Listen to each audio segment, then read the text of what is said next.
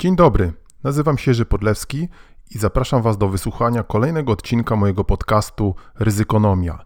Więcej ryzykonomii, informacji o moich e-bookach, usługach doradczych i szkoleniowych znajdziecie na stronie www.ryzykonomia.pl.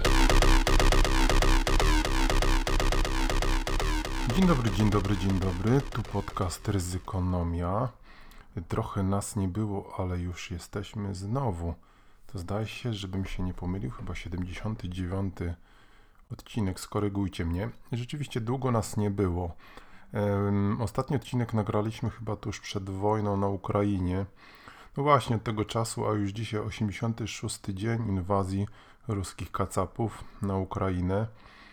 E, od tego czasu jakoś tak żeśmy wpadli w relacjonowanie, opisywanie, wspieranie, gdzie możemy, informacją, no bo ta informacja jest jednak ważna, e, tego co się dzieje na Ukrainie. Zresztą no, staramy się wspierać nie tylko informacją, no ale niech nie wie lewica, co czyni prawica, no na tyle skromnie, co, mm, co możemy. Coś tam robimy i mamy też w związku z tym pewne też organizacyjne obserwacje, z którymi się może przy okazji będziemy dzielić. Coś tutaj mi organizacyjnie spadło. No właśnie, też krótkie, mm, krótkie parę słów, co się dzieje na portalu Ryzykonomia. Y, no właśnie, pewnie zauważyliście, że skasowaliśmy mm, księgarnię Ryzykonomia, właściwie żeśmy ją zawiesili. No jak pewnie też parę innych rzeczy, które robimy. No trochę nas zniechęciło. Znaczy nie wiem nawet, czy nas zniechęciło, bo jak wiecie, my jesteśmy ryzykonomistami, realistami. Mała popularność tych y, pozycji, które żeśmy tam zamieścili. Pewnie mogłoby to sobie wszystko wisieć, ale no to związane jest z różnymi rodzaju kosztami stałymi, ZUS-ami, nie ZUS-ami i no wiecie, mamy nowy ład, wspieramy przedsiębiorców, wiecie jak to jest, prawda? Niedługo pewnie już nikt nie będzie chciał prowadzić żadnego biznesu w Polsce, a, a na pewno nie mali przedsiębiorcy. Więc te książki e, zasadniczo nie są tam do nabycia, które były, ale możecie próbować je szukać niektórych starszych pozycji e, na portalu ebookowo.pl. Tam można po moim nazwisku wygooglać, na empik.com też i w paru innych miejscach w sieci e, można, można też moje e-booki wciąż, wciąż kupić, chociaż nie wszystkie, które planowałem. E, bo tak jak Wam wspominałem, napisałem też taką powieść sensacyjną, co prawda pod pseudonimem Czarna Mgła. E, I e, ta powieść jest, no właśnie, no, napisaliśmy ją. Powieść bardzo profetyczna skądinąd, bo tam um, um, piszemy o, przewidzieliśmy no, pewien konflikt na wschodzie może nie dokładnie taki jak na Ukrainie, ale posiadający bardzo wiele podobnych cech. No właśnie, no, całkiem to przewidywanie nieźle idzie, chociaż nigdy byśmy siebie nie nazywali trendsetterem ani jakimś tam innym, prawda, konferencyjnym y, mówcą o przyszłości. Y, może też dla, dlatego, że z ironią zauważamy, że ci trendsetterzy i trendsetterki, tak, pewnie wiecie o kim mówię, E, to im właściwie to przewidywanie bardzo słabo wychodzi, tak? Także wiecie, to jest trochę tak jak chyba z multitaskingiem, prawda? A świnka też tu jest. Były takie badania, że osoby, które uważają, że są bardzo dobre w multitaskingu, czyli tam jak jadą samochodem, to jedzą loda, oglądają telewizję, tak, tak, widziałem takich, co oglądają telewizję, e, to tak naprawdę to oni przeceniają swoje, swoje możliwości multitaskingu, no i stąd pewnie różnego rodzaju wypadki, prawda? Co działa trochę inaczej, więc my się trendsetterem też nie nazywamy, ale w tej książce Czarna Mgła możecie, yy, możecie się przekonać, czy coś nam się udało przewidzieć, yy, ponieważ ta książka nie znajduje się w sprzedaży. Gdyby ktoś był zainteresowany, to może do mnie, do mnie napisać gdzieś na jakiegoś priwa, na LinkedIn albo gdzieś indziej i yy, no i mogę, możemy jakąś próbkę wysłać do przeczytania, czemu nie? Czemu nie? Pisać każdy może, trochę lepiej, trochę gorzej. Parę osób to przeczytały, mówi, że to całkiem niezłe było.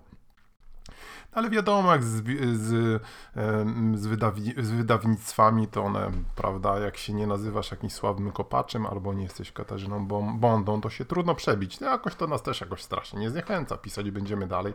Mamy dalsze plany wydawnicze. No wiecie, to tak to już jest, że że e, pis, pisare necesse est, prawda? Czyli tak jak navigare necesse est, tak pisare. Przynajmniej dla niektórych. Tak jak i gadanie e, podcastów, prawda? Więc po tej długim okresie niebydności stwierdziłem, że może jednak znowu coś powiem. Już się, słuchajcie, rozgadałem. Tym bardziej, że ostatnio widziałem takiego, wiecie, spakowanego jakiegoś bysiora, wytatuowanego, jakiś tam sławny cool, strong Jasio i on też nagrywa, prawda, podcast. Wow. Słuchajcie, pisać i mówić każdy może, więc my też możemy. Y, możecie nas ciągle śledzić na, na LinkedIn. Y, ostatnio przeszliśmy na LinkedIn na angielski, dużo piszemy właśnie różnych informacji, które z różnych źródeł, między innymi z Twittera, y, wynajdujemy. No to jest ciekawe, jak zawsze to wynajdywanie informacji. Na tych informacji mamy całą masę, prawda? Twitter jest takim samym ściekiem jak, jak wiele innych źródeł, natomiast wyszukiwanie informacji, szczególnie tych wartościowych, no to, to nie jest wcale tak wielka, tak, przepraszam, taka mała umiejętność i to jest pewnie jedna z e, tych umiejętności, które, a wiecie, że zawsze e, podkreślam znaczenie edukacji, bo bez edukacji właśnie, z braku edukacji wszelkie zło wynika, można powiedzieć. No właśnie, i, i, tego się nie uczy. Tego się nie uczy i ludzie są zalewani jakimś bullshitem. Zresztą właśnie na Twitterze, słuchajcie, jak się wejdzie, to tam jest pełno jakiegoś takiego bullshitu. E, I rzeczywiście mm, w głowę zachodzę, dlaczego, jeżeli się pojawiają tam jakieś hasztagi, milion ludzi chce tą samą wiadomość właściwie przekazać i gdzieś tam, mm, prawda, otrzymać ileś tam lajków. Absurdalne to jest. Absurdalne. Po co to powtarzać? No ale to tak to jest. Na tym polega popularność. Każdy chce być piękny i bogaty, prawda? Każdy chce być influencerem. My pewnie też jakimś, no ale widzicie, no zamknęliśmy ten portal. Zresztą muszę powiedzieć też, że y, skoro y, mówimy tu o sprawach ryzykonomicznych, to od y, kwestii zarządzania ryzykiem też jakoś się trochę tak odstawiam ponieważ e, no, zarządzanie ryzykiem umarło w Polsce de facto, tak? I to, co się dzieje teraz w czasie tego wojennego kryzysu jest też tego najlepszym dowodem, no. E, zobaczcie, no, okazuje się, że Pinokio miał sygnały od wywiadu sygnały, no, informacje od wywiadu amerykańskiego gdzieś już chyba w listopadzie czy w październiku, że będzie inwazja. Zresztą myśmy o tej inwazji, zauważcie, też głośno mówili, a nie mówiliśmy. Dużo takich jest rzeczy, o których my mówiliśmy. No i zobaczcie, czy jesteśmy dalej trendsetterami, czy nas nie zapraszają na konferencje trendsetterskie, nie zapraszają, ale już też kiedy mówiłem, że ja to już niechętnie chodzę na te konferencje, nawet jak kiedyś chodziłem sporo, a mówiłem podobno też nie najgorzej, bo nic z tego nie wynikało. Ciągle te same gęby, przepraszam, buzie, yy, ciągle te same osoby, ciągle ci sami pożar się Boże innowatorzy, prawda, z brodą. Oni tam nic nie wymyślą, no. Można oczywiście postać w lobby i pogadać z znajomymi ludźmi, jeżeli tacy są, zjeść lunch, ale te lunche też były coraz słabsze, więc strata czasu. Strata czasu. Można coś napisać, prawda, i wrzucić weter, albo coś powiedzieć. E, także y, też o tej wojnie mówiliśmy, tak, mówiliśmy. No i właśnie wracając do kwestii zarządzania ryzykiem, no to zobaczcie, mamy taki gigantyczny kryzys mm, i co się dzieje? E, no nic, prawda? No już właściwie nic się nie dzieje. Obrona terytorialna, która jest gdzieś tam wychwalana, jeżeli ktoś, ja bywam w takim, w takim refugee center, w takim ośrodku dla uchodźców mm, tutaj w miejscowości, czyli w Gdańsku, w którym mieszkam. No i tam fajne chłopaki są, można sobie pogadać, ale pff, no oni tam gdzieś siedzą sobie przy jakichś biurkach w ubraniach maskujących, nic z tego specjalnie nie wynika. A przecież cały ten y, kryzys y, emigracyjny, prawda? No tu mówimy o 3 milionach ludzi, którzy są w Polsce mniej więcej.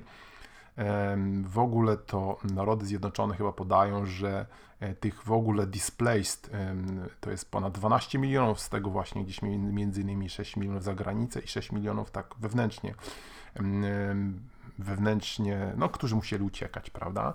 No to jest dla Polski gigantyczny problem i tutaj w ogóle nie ma żadnego pomysłu, co z tym zrobić. No ale słuchajcie, kto miałby ten pomysł mieć? Debile, ci durnie, te ćwoki za przeproszeniem nie wymienię kto, więc nikt mnie nie posądzi o to, że, że, że kogokolwiek obrażam. No oni nie mają takich w ogóle zdolności intelektualnych. No, ja znam nawet parę takich osób, no, może mniej lub bardziej, a jedno to nawet znam bardzo dobrze, znaczy bardzo dobrze, bo kiedyś nią studiowałem. Ale nie był to mój jakiś specjalny kolega, hmm, łamany przez koleżanka, żeby nie było wiadomo o kogo chodzi i słuchajcie, no nie, nie, nie ma tych zdolności intelektualnych, organizacyjnych, żeby takie rzeczy ogarnąć. To jest rzecz strasznie przykra, bo jeżeli spotyka się tych ludzi, prawda, z tych zniszczonych miejsc, którzy musieli uciekać przed wojną, e, no to, no to jest naprawdę smutna sprawa. E, a oni tu, przynajmniej część z nich, zostanie na pewno na dłużej, tak? Tym bardziej, że wieści z wojny, jeżeli to śledzicie, są, no właśnie, są różne, bardziej precyzyjne, jest dużo tych tak, tak zwanych OSINTów, tak? Czyli Operations Intelligence, którzy zbierają informacje z różnych źródeł, mniej lub bardziej profesjonalne, czasami bardziej pro, profe, bardzo profesjonalne są różnego rodzaju think tanki, prawda, tak jak ten Institute, Institute of Study of War. No, byli wojskowi różni, generałowie amerykańscy, nieamerykańscy. No to wiecie, no, to możecie posłuchać, że nie jest wcale tak dobrze, jak się wydaje. Tym bardziej, że E, tym bardziej, że przewaga e, Rosjan sprzętowa i techniczna ciągle istnieje. No, możecie o tym wszystkim słuchać e, o, o, w telewizji na przykład. No, a propos telewizji, to ja już wyrażałem kilkakrotnie na różnych forach moje takie jak to powiedzieć, zwątpienie albo brak podziwu dla różnego rodzaju naszej generalicji, która zresztą nie wiem, czy pamiętacie, ja dobrze pamiętam, jak się wojna zaczynała, to oni tam wieszczyli, że tam Rosjanie oskrzydlą, wejdą na rubieże, wpędzą w kotły i tak dalej, i tak dalej. Mnie to bawiło, bo, e, bo no, to był taki język RWP-gowskich generałów, taki wiecie, jak, jak z Układu Warszawskiego, tak? No i okazało się, że jednak Ukraińcy się dobrze przygotowali, mieli dobrych doradców ze Stanów Zjednoczonych, z NATO i nie tylko. Odrobili swoją lekcję. Ja też miałem takie podejrzenie, muszę Wam powiedzieć, które no, w pewnym sensie zostało poddane wątpliwość w 2014 roku przy aneksji Krymu, no, że jednak Ukraińcy to jest bardzo zażarty naród. No, wystarczy spojrzeć na historię, mm, kiedy walczyli z nami, z Polakami, też czasami po naszej stronie, nawet często, prawda? Powstanie Chmielnickiego, Kozacy i tak dalej, i tak dalej. Ktoś czytał trylogię więcej niż 58 razy, to wie. Y, no i dziwiło mnie to właśnie, że tak ruską poszło. Oczywiście biorąc pod uwagę no, tak długo, długoletnią okupację, rusyfikację, to tak nie dziwi, prawda? Zobaczcie, co z Polską zrobiła sowietyzacja, prawda? Zmienili tak kraj, jak nikt by nie zmienił najgorsza wojna z tysiącem Niemców, tak? Sowieci, Sowieci to potrafią robić, y, na to zwraca uwagę chociażby i Grudziński, na to zwraca uwagę Czapski, na to zwraca uwagę jak najbardziej Józef Mackiewicz genialnie, prawda? Co taka komuna robi z ludzkimi mózgami. E, no i wtedy to mnie dziwiło, że Ukraińcy dali się tak podejść, ale tym razem się nie dali, tym razem się nie dali, no i się napieprzają nieźle i się będą napieprzać, tym bardziej, że tam sprzęt jeździe amerykański i Amerykanie najwyraźniej, tak jak ktoś zauważył, no postanowili się teraz zemścić, chociażby za te skręcone wybory, kiedy ten idiota Trump właśnie wygrał. Bo, bo Boże, on jeszcze, jak słyszycie, że próbuje, będzie próbował będzie próbował powrócić, no to byłaby tragedia. No wyobraźcie sobie taka, takie science fiction albo fiction, political fiction, że Trump wygrał te wybory, on by teraz był prezydentem. Ja nie, nie wiem, co to by było naprawdę. No. Człowiek wybrany ewidentnie z poparciem różnego rodzaju ruskich jakichś tam machlojek i machinacji, niezły czub, prawda? I gdyby on, nie, nie, nie potrafi sobie nawet wyobrazić, jakim byłby scenariusz. No ale Bogu dzięki jest Joe Biden, niezwykle doświadczony polityk, nam wyśmiewany dziadek. Słuchajcie, dziadek jest w polityce przez chyba 120 lat, już jeszcze kuty na cztery nogi i najlepiej tak pokazał, prawda? Kopnął tą ruską bandę. Wczoraj też dobra informacja, słyszymy, że Szwecja i NATO, e, przepraszam, Szwecja i Finlandia mają dołączyć do, mm, mają dołączyć do NATO. Także to jest dla nas bardzo dobra oczywiście wiadomość. E, Finlandia to jest w ogóle prawda, historia, polecam. E, na YouTube jest bardzo fajny film z wojny kontynu kontynuacyjnej Finlandia, Rosja, e, The Soldier Unknown. Polecam. On jest transkrypcją angielską, ale no jeden z lepszych filmów batalistycznych, które na YouTube, które to chyba Finowie wrzucili, bo, no bo on dosyć długo tam jest nieskasowany z YouTube'a. Polecam. Bardzo dobry film, naprawdę. Bardzo dobry film wojenny. No właśnie, czyli Finowie, dobrzy sojusznicy, Szwecja, bardzo wysoka technologia. Do tej pory ubolewam, że w swoim czasie nie kupiliśmy szwedzkich Gripenów, no ale wiadomo, no, trzeba się Amerykanom jakoś kupić, prawda? czy jakieś czołgi teraz, prawda? No. Bardzo ciekawa zresztą dyskusja. Może do niej też jakoś wrócimy, bo tak jak powiedziałem, biorąc pod uwagę, że trochę się odstawiamy od czystej ryzykonomii, to no, teraz możemy o różnych rzeczach mówić i, i, i może o militarnych gdzieś tam zahaczymy. Jeżeli oczywiście będziemy, miejmy nadzieję, y, kontynuowali kolejne odcinki, prawda? No właśnie, tak sobie tutaj czatujemy, e, ramblujemy. E, I o czym jeszcze chcielibyśmy powiedzieć? No właśnie, o wojnie nie wspominamy, nie opowiadamy, wspominamy w tym sensie, że, że ona oczywiście zmieniła całe tutaj otoczenie, rzeczywistość społeczno-gospodarczą, militarną, polityczną, no, wszel wszelką rodzaju możliwą. E, natomiast wracając jeszcze do, e, do tego, jak to na Polskę wpływa, no, zauważcie, no, e, wojna trwa 3 miesiące. Mm, I co właściwie zrobiła ta bandyta szajka tych, tych ćwoków, prawda?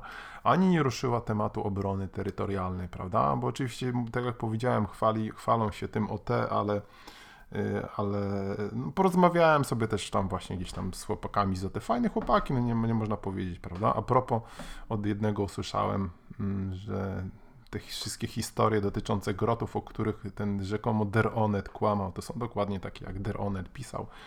Co akurat nie jest strasznie, słuchajcie, jakimś zarzutem, prawda? Bo Amerykanie ze swoją bronią, z tymi sławnymi karabinami, prawda, z, um, z M4, które się miały mm, być rzekomo samoczyszczące, tak, to znaczy, że trzeba je samemu czyścić, się zacinały, różne rzeczy się tam dziwne działy, no to, to są takie choroby wieku dziecięcego przy różnego rodzaju sprzęcie. No ale oni tam oczywiście próbują, ta szajka tutaj e, próbuje e, takie rzeczy ukrywać i udawać, że nie było i a tu i lufy rdzewieją, te sławne trytytki, to też była prawda, prawda, i jakieś tam łoża pękają. No ale to są rzeczy, które się po prostu usprawnia, no. Gorzej, że były tam różne historie, no, tak przynajmniej donosiły media z omijaniem albo nierobieniem jakichś przetargów, no to, no to zresztą, prawda, stawianie murów, to ta szajka jest tym Jestem świetna. Co to będzie dalej? Nie wiem, nie wiem, muszę Wam powiedzieć. Jakoś tutaj pozostaję pesymistą. A dlaczego miałbym być optymistą, jak patrzę, co się dzieje, prawda? Takie wielkie zagrożenie. No i Bogu dzięki, oczywiście jesteśmy w NATO, jesteśmy w Unii Europejskiej, bo bez tego to by, to by kiepsko było, prawda? Pewnie ta szajka by uciekła, my byśmy tutaj zostali. No właśnie, chyba byśmy zostali, nie? Tak jak coś. Nie, nie po to ja myślę, żeby tutaj jakimś tam hura robić, ale żeby tych synów, prawda? Bo to bydło jest nieprawdopodobne sowieckie i teraz się znowu okazuje, że oni się po prostu nic nie zmienili. Do czego ja akurat, y, co do czego ja akurat nie miałem najmniejszych wątpliwości wcześniej, prawda? E, nie kryję się w tym, że, że, że, że nie przepadam, mówiąc delikatnie, za tą nacją. Za dużo przeczytałem, e, za dużo się gdzieś tam dowiedziałem poglądów sobie różnych wyrobiłem, żeby mieć jakieś wątpliwości co do czego, e, że najchętniej to oni by na wszystkich napadli, prawda, i uczynili nas niewolnikami, no ale całe szczęście jesteśmy w NATO, ale to nie znaczy, że na przykład obrony terytorialnej, obrony cywilnej przede wszystkim nie ruszamy, tak, bo wielokrotnie o tym mówiliśmy, pisaliśmy, że obrona cywilna to jest na różne kryzysy pomocna, tak, a propos, przypominamy o naszych 76, 77 odcinku, E, a może i ósmym, e, Be Prepared, prawda? To można sobie cały czas odsłuchiwać, e, gdzie różne rady kryzysowe i zauważcie, że to było przed, przed wojną, tak? O tym mówiliśmy. No właśnie, no, słuchajcie, zapraszajcie, zapraszajcie sławnego trendsetera Jerzego Podlewskiego, doktora, tak? No słuchajcie, jak doktor taki jaki trzepakowy jest doktorem, to już nie wiem, po co być doktorem, prawda? Każdy może być tuż doktorem, e, o magistrach i tak dalej, nie wspominając bez urazy, prawda? E, no właśnie, wracając o tym, mówiliśmy o Be Prepared. E, potem reklamowaliśmy też reklamowaliśmy to, co się ukazało na stronie Rządowego Centrum Bezpieczeństwa, które wypuściło wreszcie takie poradniczki dotyczące właśnie bycia przygotowanym na, na kryzysy, w tym na wojnę, tak? I to też zawsze wszystkim serdecznie polecaliśmy, nawet przez pewien czas żeśmy tam porozsyłali.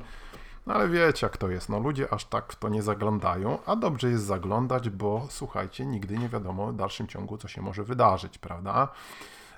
Rozbawiła mnie, muszę wam powiedzieć, kiedyś taka sytuacja na początku wojny, kiedy, mm, kiedy tam różne się rzeczami zastanawiałem i co tam robiłem albo nie robiłem, tak to powiem enigmatycznie. No, znaczy nie, nie kopałem okopów, prawda? No ale be prepared. No i wtedy znajomi powiedzieli mi, że byli gdzieś tam, prawda, jakiś, w jakimś banku, chcieli tam czy wycofać jakieś swoje, wkłady, a w banku pan powiedział jakiś tam e, szkolony sprzedawca, że nie, to wszystko wróci do swojego. Spoko, spoko, prawda? No właśnie. Optymizm jest pewnie rzeczą piękną, ale też no właśnie, ryzykonomiści, jak wiadomo, w pesymizmie się lubują, żeby tu sparafrazować e, stare, stare powiedzenie. E, pamiętacie, mówiłem kiedyś o tej książce o e, zasadzkach, e, o niebezpieczeństwach optymizmu i e, którą napisał Rogers, Roger Scraton, nieżyjący już angielski filozof. Więc dobrze jest w każdym razie zachować realizm, a w każdym razie analizować, co się dzieje, tak? No ale to oczywiście z drugiej strony chyba, wiecie, no mówię, im, im, więcej lat mam, to takie nabywam jakieś przekonania, że mówić można, prawda, szczególnie w naszym narodzie, a i tak będą ludzie promowali jakichś tam trendseterów, trendseterki, którzy by jakieś bajki opowiadali, prawda, on nie potrafi nic przewidzieć, ale ale ten ich optymizm, może to właśnie, że nie potrafi nic przewidzieć, jakoś tak ludzi przyciąga, ja nie wiem, no bo jakby może ci ludzie, którzy potrafią przewidzieć, a niestety te przewidywania, bo świat najwyraźniej tutaj chyba nie wyszedł naszemu stwórcy, są e, delikatnie mówiąc dosyć często mało optymistyczne. No i ludziom się to nie podoba, prawda? Wolą jednak jakiś tam ściemniaczy, którzy w kółko opowiadają te swoje optymizmy, no żeby one były jeszcze jakoś uzasadnione, prawda, ale to jest taka taśma zdarta, można powiedzieć, tak, bo rzekomo nie można przewidywać rzeczy, które nie są pozytywne, bo z tym nie można żyć. A kto powiedział? To jest następna taka właśnie, taka urban legend, no jeżeli nam wychodzi, że jest wojna na Ukrainie, prawda, i że ona potrwa jeszcze lata i że nie wiadomo, co będzie tutaj dalej, no to czemu się oszukiwać? Ale dzięki temu można się przygotować, można podjąć jakieś działania, e, nie tylko na poziomie obrony cywilnej, obrony terytorialnej, jakby ją nazywać, prawda, E, ale na poziomie też na przykład przygotowania firm na te ryzyka. No a propos, może myśleliście, że w czasie pierw pandemii, a teraz wojny, to masowo się firmy zaczęły zainteresować zarządzaniem ryzykiem. No. I to mnie, kochani, rozbawiliście znowu. No nie, nie zaczęły, wierzcie mi. Nie zaczęły, jak to ładnie ktoś powiedział, E, zarządzanie ryzykiem jest ważne, ale e, nie mamy po prostu na to czasu. Także firmy się nie zaczęły, nie zaczęły wcale analizować tych ryzyk. Ja nie, nie, nie, nie miałem kilka rozmów, muszę Wam powiedzieć, właśnie takich. Ostatnio ktoś tam mnie zapraszał do mm, paru jakichś tam projekcików, ale właśnie no nie wartych tego, tym bardziej, że mm, jak próbowałem później zgłębić temat, jak, jaki jest naprawdę takie racjonale background, można powiedzieć, o co właściwie Kaman, to taka była odpowiedź, no, no wie pan, panie Jerzy, ja bym tu chciała zarząd, chciał, chciałbym przekonać, albo chcielibyśmy, żeby tam to wdrożyć i może kolejny kroczek zrobić. No jest super, no jest super, że są ludzie, którzy o tym myślą, no, ale, ale ja trochę jestem już tym zmęczony, prawda, takim takim przekonywaniem ludzi. Albo ktoś chce coś zrobić, prawda, jest wtedy silne wsparcie, albo, albo nie chce, prawda.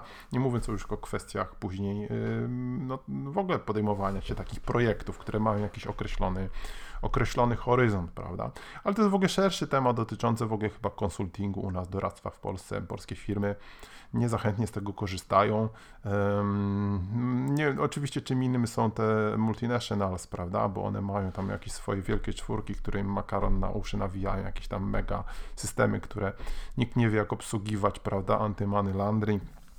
Ostatnio rozmawiałem z takim młodym człowiekiem, który mówi mi, że te Gdańsku jest chyba PVC ma taki swój jakiś anty-money laundering y, y, departament, czy jakąś tam dywizję, prawda, ale nie taką wojskową, tam chyba z 800-900 osób pracuje, szukając tych pieniędzy brudnych, ale później zresztą, tak jak sobie pogadaliśmy, to też tak mi w cichości ta osoba wspomniała, że no to różnie to bywa, bo mówi, że bywało tak, że, że, jakiś tam coś tam znaleźli, ale niekoniecznie to kogoś tak interesowało, jak powinno. No to są w ogóle, wiecie, sprawy compliance'owe, tak. No. Jest wielki compliance, a jak przychodzi co do czego, to to jest wielka ściema, prawda? No i to też Rosja jest tego przykładem, bo przecież w tym Londongradzie ruscy, ruscy oligarchowie prali pieniądze, miliardy od lat, ich żony, kochanki, prawda? I nikt się tym nie zainteresował, skąd jakaś tam dziewczynka, paniusia kupuje jakieś apartamenta za miliony funtów. No to jest oczywiste pranie pieniędzy, prawda? Ale skąd, skąd taki Ławrow, prawda, ten ruski kacapski kłamca, e, rzecznik e, Putina e, kupuje jakieś nieruchomości za setki milionów czy dziesiątki milionów euro, no przecież wiadomo jaka jest jego pensja, prawda? To jest urzędnik państwowy, no więc to jest, słuchajcie, no nawet małpa by to pożeniła fakty, prawda? Oczywiście, gdyby chciała, że to jest pranie pieniędzy. Także, no tak to, tak to jest z tym zarządzaniem ryzykiem i z compliance'em, że i samo zarządzanie ryzykiem ma często taki charakter compliance'owy. No dobrze, to słuchajcie, ponieważ się trochę tutaj rozgadałem, kilka tematów rzuciłem, będziemy wracać do nich. E, oczywiście no, będziemy tutaj bacznie obserwowali kryzys na Ukrainie i jego różnego rodzaju outcomy, można powiedzieć. Widzicie, właśnie przyszedłem na te angielskie pisanie na LinkedIn i ciągle tam mi się jakieś takie słówka przyczepiają. E, a na zakończenie e, właśnie, o, może wam polecę książkę, którą ostatnio przeczytałem, chociaż muszę powiedzieć, że nie całą, że nie całą. E, książka na Legimi jest, ale nie tylko, się nazywa Duch Króla Leopolda. Nie wiem, czy kojarzycie takiego, takiego kola, mm, króla Leopolda belgijskiego, który mm, zrobił sobie kolonię w Kongu, później Zairze, nazwany był Zairem Kongo, dzisiaj nazywa Demokratyczną Republiką Kongo, Konga, wielki kraj, E, no i tam zaczęło się od wydobywania czy pozyskiwania kości słoniowej, niewolników, pracy niewolniczej, a potem kauczuku. Straszne rzeczy tam się działy. Takie naprawdę tak, takie ludobójstwo. Ludobójstwo, straszne rzeczy się działy. Mm, e, czasami to trudno jest czytać. Ciekawa historia. Zresztą w Kongu też y, no, powstała, można powiedzieć, na, na bazie tego, co się tam działo, w pewnym sensie, jądro ciemności Józefa Konrada. Tak? Bo on tam sobie płynął tym Kongiem, prawda? Do takiego jednego z tych walniętych, spotkał podobno jednego z tych takich bardziej walniętych i okrutnych, e, okrutnych e, urzędników, którzy tam się zjechali, e, żeby okradać e, tą ludność Konga dla króla Leopolda którego zresztą notabene chyba rok temu pomnik obalono w e, Belgii, czy oblano, oblano farbą. E, no i on na tej kanwie napisał e, Jądro ciemności. No, Joseph Conrad polecam. Bardzo lubimy też, no i o ile to jest właściwe słowo, jakiś czas temu przeczytaliśmy Nostromo, też polecamy, no, ale oczywiście też, um, oczywiście też i Jądro Ciemności i Duch Króla Leopolda, gdyby ktoś chciał taką książkę przeczytać. To tyle na dzisiaj, do usłyszenia. No, mam nadzieję, że wkrótce, tak? Bye, bye, bye, bye, bye.